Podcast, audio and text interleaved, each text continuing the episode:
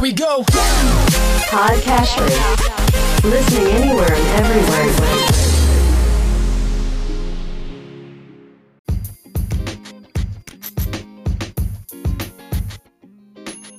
Welcome to Weekly Investment Podcast bersama saya Ferdian Syahputra dari Ispring Investment Indonesia untuk Prudential Indonesia.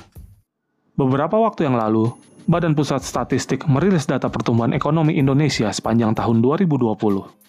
Dan dari data tersebut tergambar seperti apa hantaman pandemi COVID-19 terhadap kondisi ekonomi Indonesia. Pada 2020, ekonomi Indonesia mengalami kontraksi pertumbuhan sebesar minus 2,07 persen beberapa lapangan usaha yang mengalami kontraksi pertumbuhan terdalam, di antaranya transportasi dan pergudangan, penyediaan akomodasi, makan minum, dan jasa perusahaan, maupun perdagangan besar dan eceran. Akan tetapi, di tengah pandemi ini, masih ada beberapa lapangan usaha yang masih mengalami pertumbuhan positif, di antaranya jasa kesehatan dan kegiatan sosial, informasi dan komunikasi, pengadaan air, pengelolaan sampah, limbah dan daur ulang, dan bahkan sektor real estate. Secara spasial, dampak pandemi COVID-19 dirasakan dengan level kontraksi pertumbuhan yang bervariasi antar pulau. Kelompok pulau yang mengalami kontraksi pertumbuhan terdalam, yaitu meliputi Pulau Bali dan Nusa Tenggara, yang mengalami penurunan minus 5,01 persen, Pulau Jawa sebesar minus 2,51 persen, Pulau Kalimantan sebesar minus 2,27 persen, dan Pulau Sumatera sebesar minus 1,19 persen.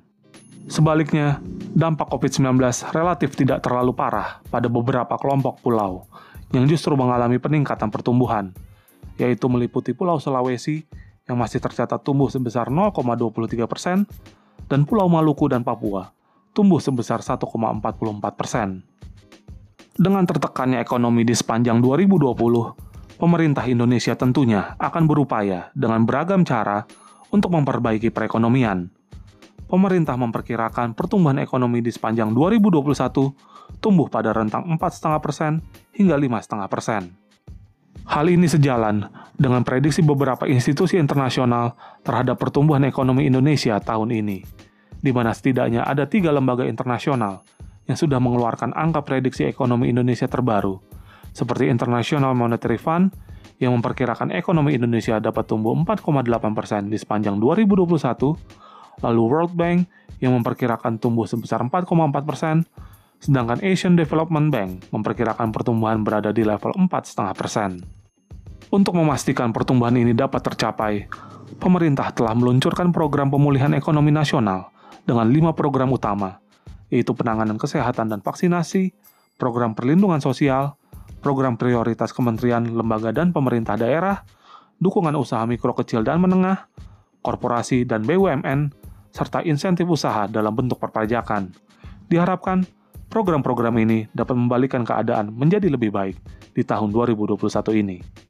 Demikian Weekly Investment Podcast mengenai potret ekonomi Indonesia sepanjang 2020. Semoga bermanfaat dan salam investasi.